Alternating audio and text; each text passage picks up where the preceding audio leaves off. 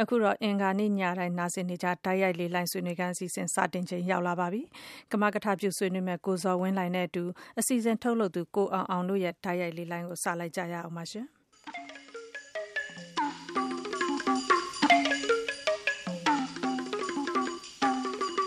မင်္ဂလာပါခင်ဗျာ VOA တိုက်ရိုက်လေလိုင်းအစီအစဉ်ကနေ ကြိုဆိုပါရစေ မြန်မာနိုင်ငံမှာ အစိုးရတပ်တွေအဖြစ် ထွက်ဆိုသူတွေကို အကာအကွယ်ပေးမဲ့ဥပဒေ ပြဋ္ဌာန်းပေးလိုက်ရင် လက်ရှိ နိုင်ငံတော်အစိုးရက ဆောင်ရွက်နေတဲ့အာဂတိလိုက်စားမှု တိုက်ဖျက်ရေးအပါအဝင်ဒီတခြား ပြစ်မှုအများအပြားကို ဖော်ထုတ် အရေးယူနိုင်မဲ့သတင်းပေးတွေလည်း တော်တော်များများ ထွက်ပေါ်လာနိုင်ပါတယ် ကမ္ဘာနိုင်ငံအများစုမှာဒီပြဋ္ဌာန်းထားတဲ့ဒီ Witness Protection Program လို့ခေါ်တဲ့ဒီအစိုးရတပ်တွေအပေါ် အကာအကွယ်ပေးတဲ့ ဥပဒေ မြန်မာနိုင်ငံမှာ ပြဋ္ဌာန်းသင့် မသင့်ဆိုတာကို ဆွေးနွေးကြဖို့ ဖြစ်ပါတယ် အစိုးရတပ်တွေကို အကာအကွယ်ပေးဖို့ ပြောတဲ့အခါကျတော့ ကျန်တဲ့ အပြင်တပ်တွေအတွက်ရော မလိုဘူးလားလို့မေးစရာရှိလာပြန်ပါတယ်တကယ်တော့ဒီကိစ္စဟာအမတန်ကျေပြန့်တဲ့ကိစ္စတည်းလည်းဖြစ်ပါတယ်မြန်မာနိုင်ငံမှာတရားဥပဒေစိုးမိုးမှုပိုင်းမှာအားနည်းနေတဲ့အခါကျတော့ကိုယ့်အမှုကိုကိုကိုကိုယ်တိုင်တိုင်တဲ့သူတွေတောင်မတိုင်ရဲမပြောရဲဖြစ်နေရတဲ့အပြင်အာတိုင်တဲ့သူတွေကိုယ်တိုင်တောင်အဖမ်းခံရမလားဆိုပြီးတော့ကြောက်နေရတဲ့အခြေအနေမျိုးဖြစ်နေကြတာကြောင့်သတင်းပေးတိုင်ကြားဖို့ဆိုတဲ့အဆင့်ကတော့အတော်လေးအလန့်ဝေးနေတဲ့သဘောဖြစ်နေပါတယ်ဒါကြောင့်ဒီကနေ့မှာတက်နိုင်သလောက်အချိန်ရသလောက်ဒီကိစ္စကိုကျွန်တော်တို့ဆွေးနွေးသွားကြမှာဖြစ်ပါတယ်အဓိကဆွေးနွေးဖို့ဖိတ်ခေါ်တာသူတွေကတော့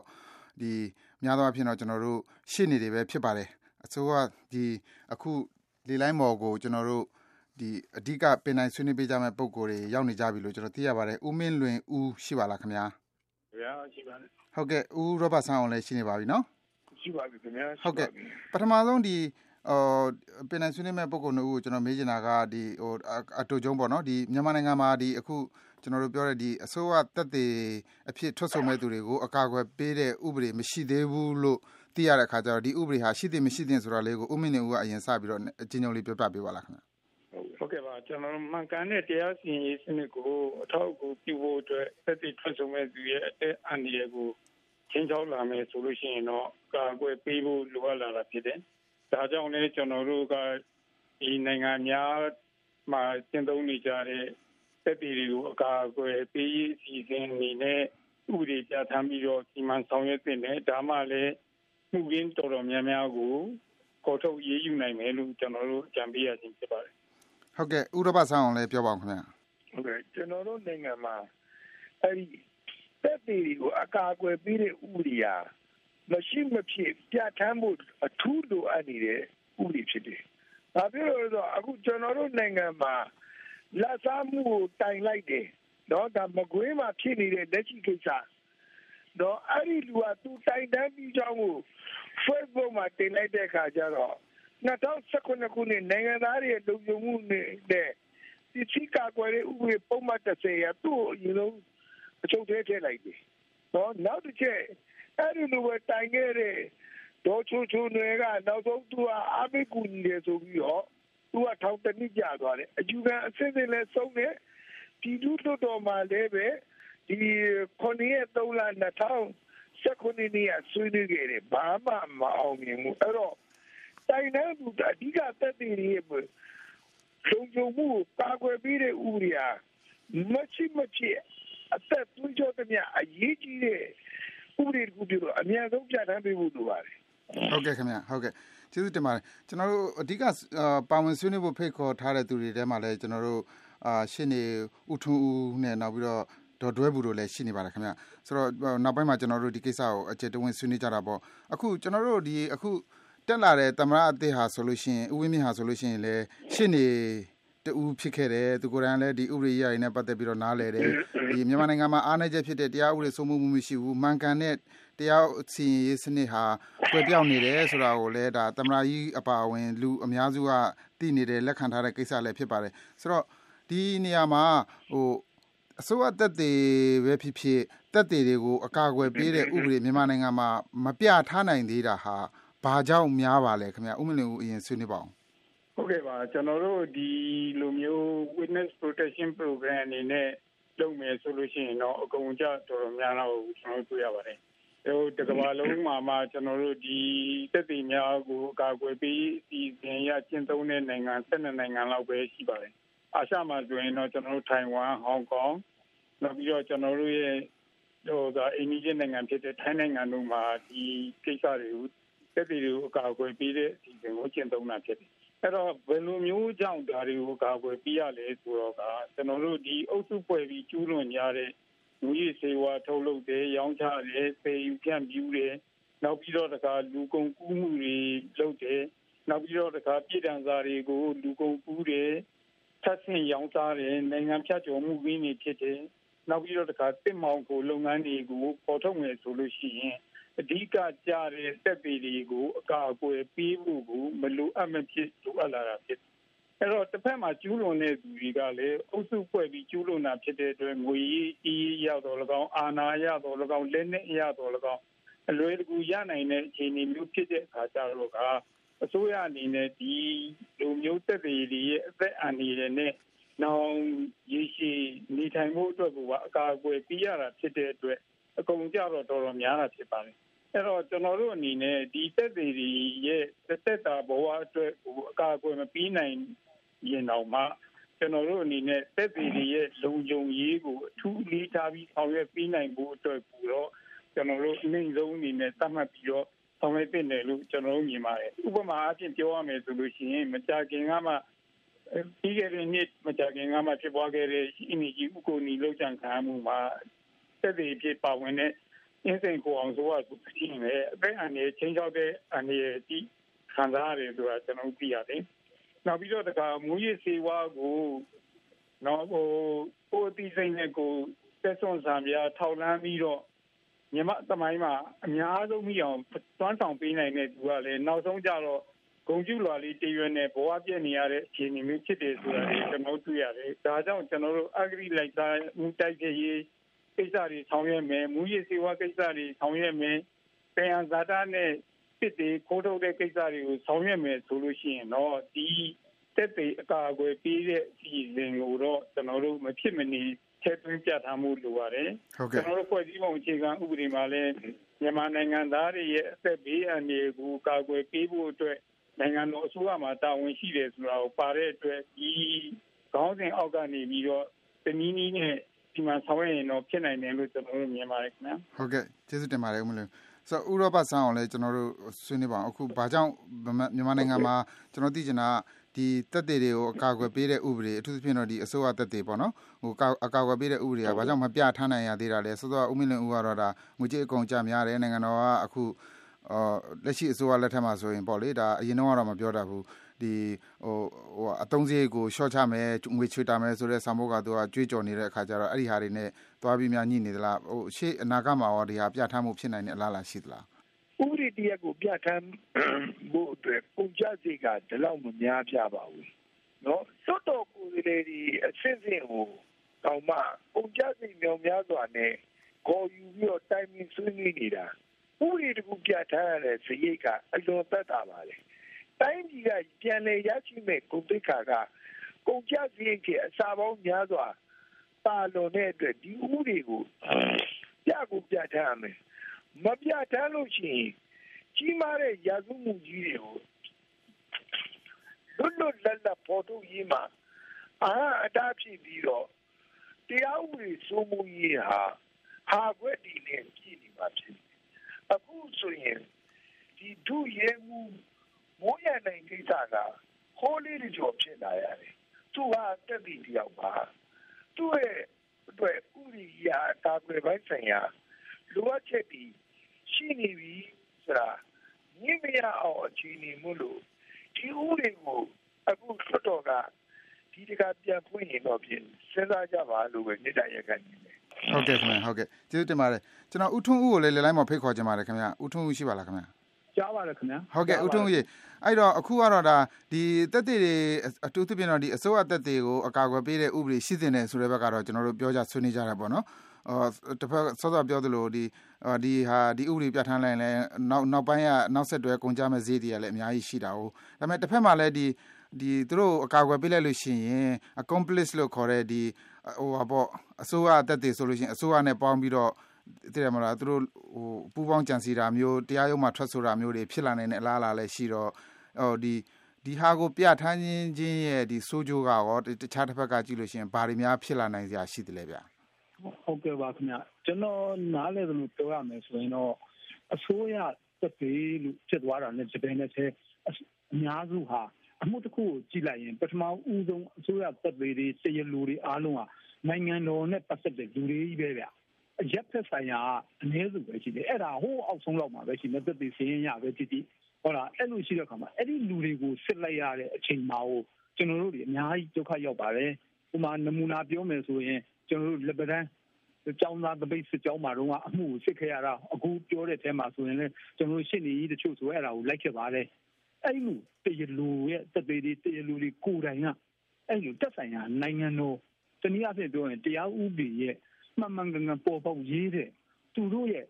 ဗျာပေါ့ဗျာဗျာတော့ကတွေနဲ့အခြေခံပြီးတော့အမှန်ကိုလည်းဖုံးကွယ်တယ်တချို့ကိစ္စတွေမှာသိတာထင်ရှားနေပါရဲ့နဲ့လေဘူးကွယ်တယ်အဲ့လောက်ထိထွက်ထားတဲ့လူမျိုးတွေအများကြီးဗျခုနပြောသလိုတယောက်စာနှစ်ယောက်စာအတွက်တော့ဟုတ်ပါလိမ့်မယ်အများစုကတော့အစိုးရရဲ့သက်သေဖြစ်သွားတဲ့လူအများစုကတော့ဖြင့်အစိုးရဘက်ကနေပြီးတော့မျိုးလုံးဇုံပိတ်ပြီးတော့ထွက်တဲ့လူတွေများတာကိုတွေ့ရတယ် အဲ့တော့ဒီဥပဒေမျိုးကလုတ်ပေးလိုက်မယ်ဆိုရင်ပထမဦးဆုံးတန်ကြပ်ကအင်ကြီးကြီးကအင်ကြီးဝတ်ထားတဲ့လူကြောက်ကနောက်တစ်ခါဆက်ပြီးတန်ကြပ်ကအင်ကြီးဝတ်ပေးတယ်လို့ဖြစ်သွားတဲ့အတွက်ကြောင့်ကျွန်တော်တို့ပြည်သူတွေကတော့ပုံနဲ့နာစရာပဲရှိတယ်လို့ကျွန်တော်ကတော့ဟိုစိုးရိမ်နေပေါ့ဗျာဟုတ်ကဲ့ဟုတ်ကဲ့ဒီဒီရိုးရိုးတက်တွေအတွက်ကြတော့ဗျာဆိုကြပါစို့ဒါကတော့ဟိုအစိုးရတက်တွေပေါ့နော်ဒီရိုးရိုးတက်တွေကိုကျိုးစီးပွားမကြည့်ပဲနဲ့ပေါ့နော်တကယ်ဟိုဒီမှာဆိုရင်တော့ခေါ်တာတော့ဒီ whistle blower ပေါ့ ဒီမူရစေဝါကိစ္စပဲဖြစ်ဖြစ်အကျင့်ပြတ်ချစားမှုပဲဖြစ်ဖြစ်ဟိုတိလို့တိုင်တဲ့လူပေါ့နော်အဲ့လိုလူတွေကိုရောအကာအကွယ်ပေးဖို့မလိုအပ်ပေဘူးလားဟိုနိုင်တိုင်းပြည်ပြည်မှာလူဖွဲ့ပြီးတည်ရမှာတော့အမှန်တိုင်းကိုရက်တည်တဲ့လူတွေအတွက်ကူညီပေးဖို့လိုတာပေါ့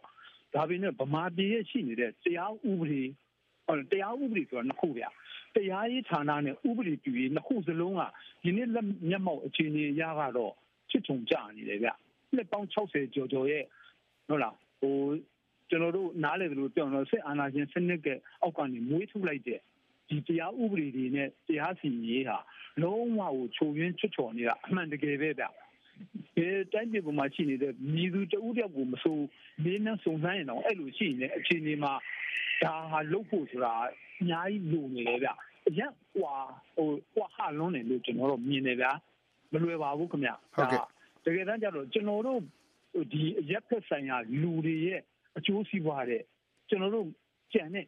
သက်ဆိုင်ရာပုံကိုယ်တွေသက်ဆိုင်ရာလူတွေအတွက်အကျိုးစီးပွားဖြစ်သွားမယ်လို့ပဲကျွန်တော်ကတော့အဲ့လိုပဲမြင်ပါတယ်ခင်ဗျဟုတ်ကဲ့အဓိကကတော့အရင်ဦးဆုံးဒါတရားစီရင်ရေးမှန်တိုင်းဟိုတီတီကြီးကြီးဖြစ်လာအောင်အရင်တက်မှအောင်အရင်လုပ်ဖို့လိုမယ်ဆိုတဲ့သဘောဖြစ်နေတာပေါ့နော်လက်ရှိတရားစီရင်စနစ်အောက်မှာတော့ဒါဖြစ်ဖို့ခဲရင်မယ်ဆိုတဲ့အနေအထားရှိနေတာပေါ့ဟုတ်ပါတယ်ဟုတ်ကဲ့ဟုတ်ကဲ့ကျွန်တော်ဒေါ်တွဲဘူးကိုလည်းလေလိုင်းမှာဖိတ်ခေါ်ချင်ပါတယ်ခင်ဗျ ဒေါ်တွဲဘူးချိပါလားခင်ဗျဟုတ်ကဲ့ရှိပါတယ်ဟုတ်ကဲ့ဒေါက်တာဘူဟာဆိုရင်လည်းဒါရှင်းနေတူလည်းဖြစ်တယ်နောက်အရင်ကလွတ်တော်အမလည်းအရင်တက်တမ်းမှာလွတ်တော်အမဖြစ်လဲတာဝန်ထမ်းဆောင်ခဲ့သူဖြစ်တယ်လက်ရှိမှာလည်းဒါကချင်ပြည်နယ်မှာနေထိုင်နေတဲ့ပုဂ္ဂိုလ်ဖြစ်တယ်ဆိုတော့အာလောလောဆယ်အာဟိုပြဿနာတွေရှိနေတဲ့ဒေသမှာရှိနေတယ်လို့ပဲဆိုကြပါစို့နော်ဆိုတော့ဒေါ်ရဲဘူးအတွေ့အကြုံအရဆိုရင်လည်းဒီအခုကျွန်တော်တို့လက်တလောဖြစ်နေတာဆိုရင်ပဲအခုတော်တော်လေးအသက်ခံရတဲ့နှစ်ယောက်ကမိသားစုဟာ သူတို့အမှုကိုသူတို့တိုင်ကျင်နေဒါပေမဲ့လည်းဟိုတိုင်ဖို့နေနေတာသူတို့ကိုယ်တိုင်ကိုကအချင်းချောက်ခံရတဲ့ထွက်ပြေးတိမ်းရှောင်နေရတယ်ဆိုပြီးကျွန်တော်သတင်းတွေကြားနေရတယ်ဆိုတော့ကာယကံရှင်တွေကိုယ်တိုင်ကိုကအခုလိုမျိုးတိုင်ဖို့ကိစ္စအခက်အခဲရှိနေတယ်ဆိုတော့ဟိုတက်သေးဆိုတာတော့တော်တော်လေးအလန့်ဝင်းနေတဲ့သဘောဖြစ်တာပေါ့တော်တော်ဘူးဟိုတည်ရသလောက်ဒီကိစ္စဟာဟိုရှိတယ်မရှိတယ်ဖြစ်တယ်မဖြစ်တယ်ဆိုတာကိုလည်းဆွေးနွေးပါအောင်ဟုတ်ကဲ့ကျွန်မအမြင်နဲ့ပြောမယ်ဆိုရင်တော့ကျွန်တော်တို့နိုင်ငံကနှစ်ပေါင်းများစွာပေါ့နော် ဒီတရားဥပဒေစိုးမိုးရေးနဲ့တရားမျှတမှုမှာအင်မတန်အားနည်းခဲ့ပါတယ်။လက်ရှိအနေအထားမှာလည်းကျမတို့အစိုးရအနေနဲ့ဒီကဏ္ဍတွေကိုစ조사ပြီးဆောင်ရွက်နေပေမဲ့ကျမတို့ရှိနေတဲ့ဥပဒေတွေအပေါ်မှာရောကျမတို့ဆောင်ရွက်နေတဲ့လုပ်ငန်းတွေအရပါကျမတို့တရားမျှတမှုမရတာတွေအများကြီးတွေ့ရပါတယ်။ဒါအဓိကဆန်းစစ်လိုက်တဲ့အခါမှာကျမတို့တရားရုံးပိုင်းဆိုင်ရာမှာရောတခြားကဏ္ဍတွေမှာရောပေါ့နော်ကျမတို့တက်သေးအထောက်ထားတွေအားနည်းတဲ့အတွက်မျှတမှုမရှိဘူးအဲ့တော့မျှတမှု မရှိရနေကျမတို့ဥပဒေနဲ့အညီမဖြစ်ဘူးနောက်မှဒီအဲခံရတဲ့လူပေါ့နော်လူခွေးချိုးပေါက်ခံရတဲ့လူတွေအာဒီလိုက်စားမှုတွေပေါ့နော်ဒီကဏ္ဍတွေမှာလည်းကျမတို့တက်တဲ့အထောက်ထားတွေအားနည်းလို့ရှိရင်ကျမတို့ကတရားဥပဒေအဲစိုးမိုးရေးကိုသွားမှထိခိုက်ပါတယ်ဒါကြောင့်မို့ဒီကဏ္ဍတွေကဆိုလို့ရှိရင်ကျမတို့ပြည်လဲသွားဖို့နဲ့တရားဥပဒေစိုးမိုးဖို့နောက်ကျမတို့ခံရတဲ့လူတွေဘက်ကရောမတရားတဲ့လူဘက်ကမျှတမှုရှိဖို့ကဒီဥပဒေကို မဖြစ်မနေအမြန်ဆုံးပြဋ္ဌာန်းဖို့တော့လိုတယ်ဒီဥပဒေပြဋ္ဌာန်းလိုက်တယ်ဆိုလို့ရှိရင်တော့ကျမတို့ကဒီတက်တေအနေထားတွေကိုကျမတို့ကဒီအစိုးရတက်တေရဲ့လို့တော့မဟုတ်အမှန်တရားကိုဖော်ထုတ်မဲ့တက်တေတိုင်းကိုကျမတို့အကာအကွယ်ပေးဖို့လိုပါတယ်ဒါမှပြောရဲမှာဖြစ်ပါတယ်ကျမတို့ဥပဒေမစိုးမိုးတဲ့ဒေသတွေအထူးသဖြင့်ကျမတို့တိုက်ပွဲတွေရှိတဲ့ဒေသတွေပေါ့နော်ဒါမကပါဘူးမြို့ထဲမှာဖြစ်တဲ့ကန္တာတွေလည်းအခုတက်တေတွေကကိုမြင်တယ်တွေ့တယ်ဆိုမဲ့မထက်ဆိုရဲကြပါဘူးဘာလဲဆိုခုနပြောသွားသလိုပါပဲကိုယ်စီတံပြန်ဖြစ်มาတွေအများကြီးဆိုရင်ပါတယ်ဒီမူရစေးဝါမှုတွေကအစာလူကုန်ကူးမှုတွေက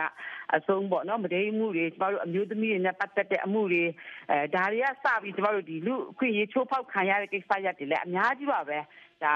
တက်တည်မပြောနဲ့ကာယကံရှင်းတာကိုမတိုင်ရတဲ့အနေထားဥပဒေတွေကအဲ့လိုမျိုးဖြစ်နေတာကိုပြင်ရမယ်အပြင် ဒီဟာတွေကိုအမှန်တရားဖော်ထုတ်မဲ့သူတွေကိုလည်းကျမတို့အကာအကွယ်ပေးတဲ့ဟာကိုနိုင်ငံတော်ကနေမှ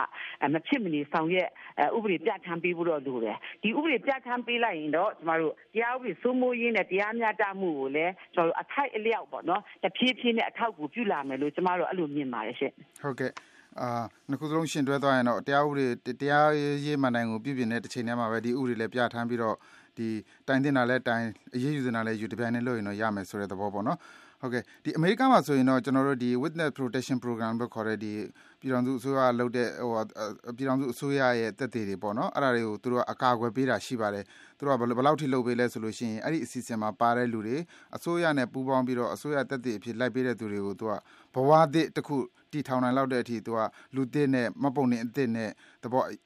ထုတ်ပေးတယ်ပြီးရင်အရင်းကြီးဟိုပေါ့ဘဝသစ်ပြန်လဲစတင်နိုင်မှုအတွက်အရင်းကြီးတွေထုတ်ပေးတဲ့အထိသူတို့ကအကာအကွယ်ပေးတာတွေရှိပါတယ်အမေရိကန်အစိုးရကတော့သူကပတ်စံတက်နိုင်တော့သူကဒါတွေလုပ်ပေးနိုင်တယ်လို့ပြောမယ်ဆိုရင်တော့ရတာပေါ့လေဒါပေမဲ့လည်းကျွန်တော်တို့မြန်မာနိုင်ငံမှာလည်းအတိုင်းအတာတစ်ခုထိအထိုက်အလျောက်ဒီထောက်ပံ့ပေးမယ်အကာအကွယ်ပေးမယ်အ ਨੇ ဆုံးအဆင့်ကတော့ဒီလူတွေအရေးယူမခံရဘူး repercussion ပေါ့နော်သူတို့တိုင်တဲ့အတွက်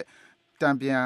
ဟိုပေါ့ကလေးသားခြေတာမျိုးမခံရဘူးဆိုရင်တော့ဒါ အဲ့လိုမျိုးထုတ်ဖော်မဲ့သူတွေတိုင်ကြားမဲ့သူတွေပို့ပြီးတော့ထွက်လာမယ်ထင်ပါတယ်အဲ့တော့ဦးမင်းလွင်ဦးရေကျွန်တော်နောက်ဆုံးခတ်ခတ်တူတူလေးဖြည့်စေချင်တာကဒီဥစ္စာကိုကျွန်တော်တို့